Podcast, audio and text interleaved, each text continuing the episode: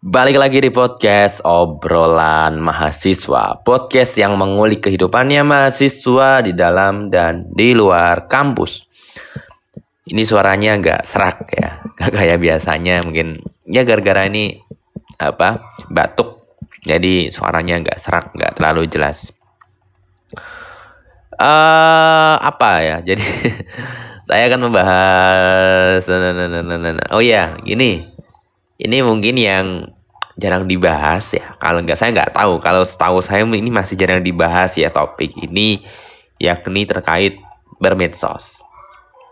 Kita selalu mengatakan, oh ini kebebasan publik, ini adalah apa aspirasi rakyat, ini adalah bentuk kritis terhadap kebijakan pemerintah, ini adalah bentuk kontrol sosial gitu. Kita selalu mengatakan itu semua di meja-meja diskusi, di ruang-ruang apa, di ruang-ruang kaderisasi organisasi, kita selalu mengatakan keberanian mahasiswa, nalar kritis mahasiswa, kemudian juga agent of change, agent of social control. Kita selalu mengatakan itu ya, itu digembar-gemborkan di mana-mana. Tapi mungkin kita masih jarang membahas apa dampak yang mungkin bisa kita apa bisa kita terima ya apabila kita melakukan itu semua itu apa dampak ya dampak pada saat kita kelewatan maksudnya. Karena saat kita demonstrasi kemudian juga apa kita juga melakukan aksi cuit cuitan di Twitter ya share video di TikTok dan dari Instagram, buat postingan di Instagram, kemudian juga kita buat banner. Itu kita tetap harus mematuhi aturan yang berlaku. Bukan berarti ini kita terbatasi, terkungkung oleh aturan yang merugikan mahasiswa, bukan. Tapi ini adalah bentuk kita menselaraskan kebijakan yang ada agar ini bisa teratur gitu loh negara ini. Karena kalau kita terlalu bebas juga nggak baik men gitu loh. Semua hal diumbar ke publik itu belum terbukti kebenarannya loh ya. Kalau benar nggak masalah, tapi itu kalau informasi yang salah kan bahaya. Kan bahaya kalau informasi yang informasinya salah kemudian diberikan ke publik itu kan sangat berisiko sekali gitu. Belum lagi kalau kita berbicara soal ada isu terkini misal Omnibus Law. Omnibus Law yang kemarin ramai sekali. Atau revisi Undang-Undang KPK itu juga ramai sekali. Ada yang pro, ada yang kontra. Kan banyak sekali itu. Itu seperti medsos itu seperti medan pertempuran tersendiri itu medsos ya sosial media itu pihak yang mendukung gitu kan selalu memberikan rasionalisasi kenapa undang-undang revisi KPK harus didukung. Apa yang melatar belakangi undang-undang ini harus direvisi? Dikemukakan dengan rasionalisasi-rasionalisasinya. Begitu juga sebaliknya, mereka yang menolak undang revisi undang-undang KPK juga memberikan alasan rasionalisasi yang serupa Tujuannya adalah biar publik yang ada di sosial media ini terpengaruh terhadap opini yang mereka bawa. Terus tren lagi yang namanya pendengung atau buzzer ya. Tren banget itu. Bahwa setiap tweet ada robot yang menggerakkan macam-macam.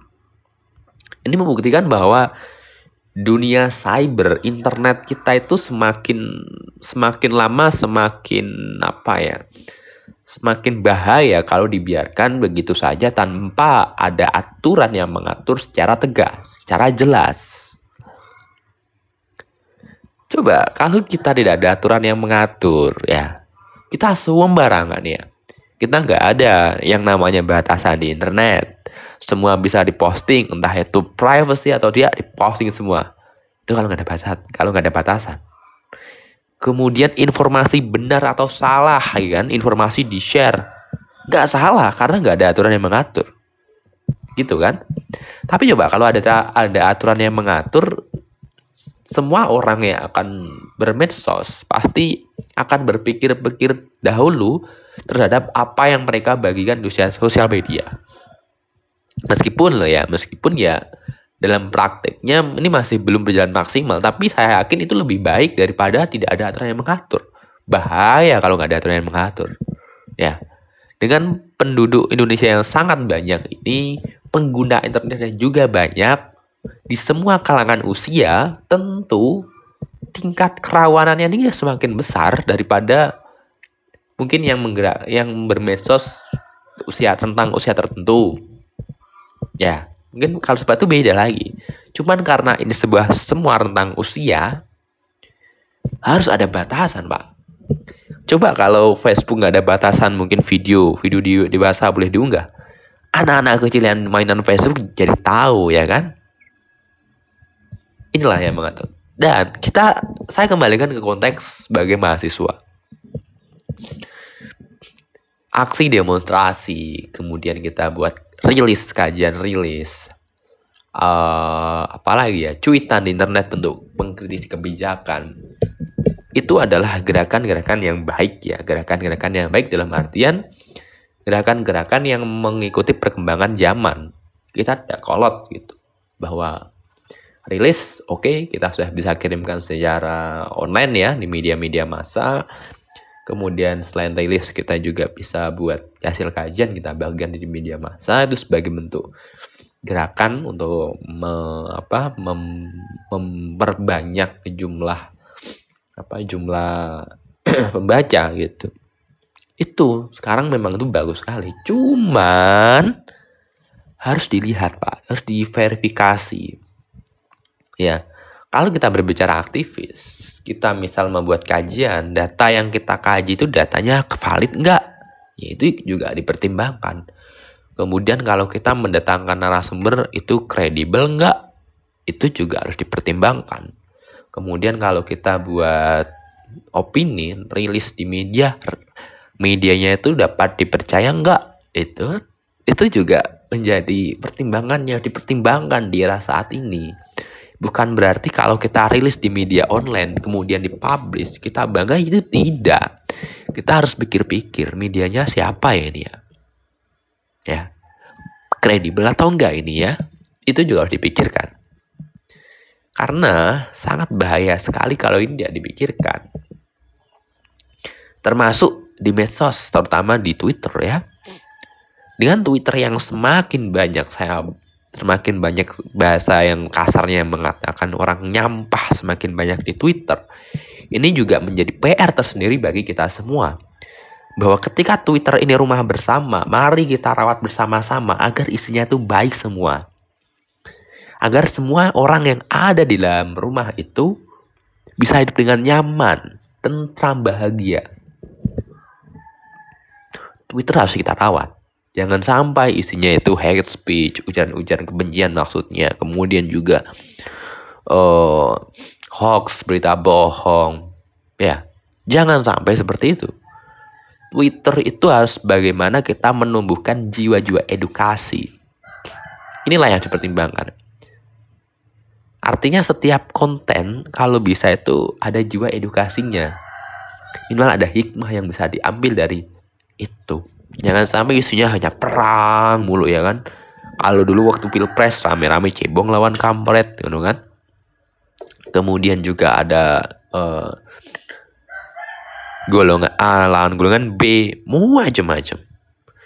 Saya mikir kadang-kadang kayak nggak ada habisnya gitu. Dan inilah peran kita sebagai mahasiswa menjadi seorang pelopor gitu loh, teman-teman. Ya kan? Kita harus menjadi pelopor. Kalau bukan kita siapa lagi? Medsos kita harus menjadi role model bagaimana kita bermedsos gitu. Jangan sampai lah ya medsos ini kita gunakan uh, seenaknya. Ya, jangan sampai ini sangat berbahaya, sangat rawan. Itu teman-teman. Jadi perkembangan teknologi, kemajuan teknologi ternyata juga ada plus minusnya. Plusnya ya kita akan mudah mendapatkan informasi, tidak perlu repot-repot ke perpustakaan, beli koran, beli majalah. Cukup ketik di mesin pencari, ketemulah informasi yang kita inginkan. Minusnya adalah informasi yang kita terima belum tentu berkualitas, belum tentu dapat dipercaya, dan belum tentu bermanfaat buat kita. Itu, oke?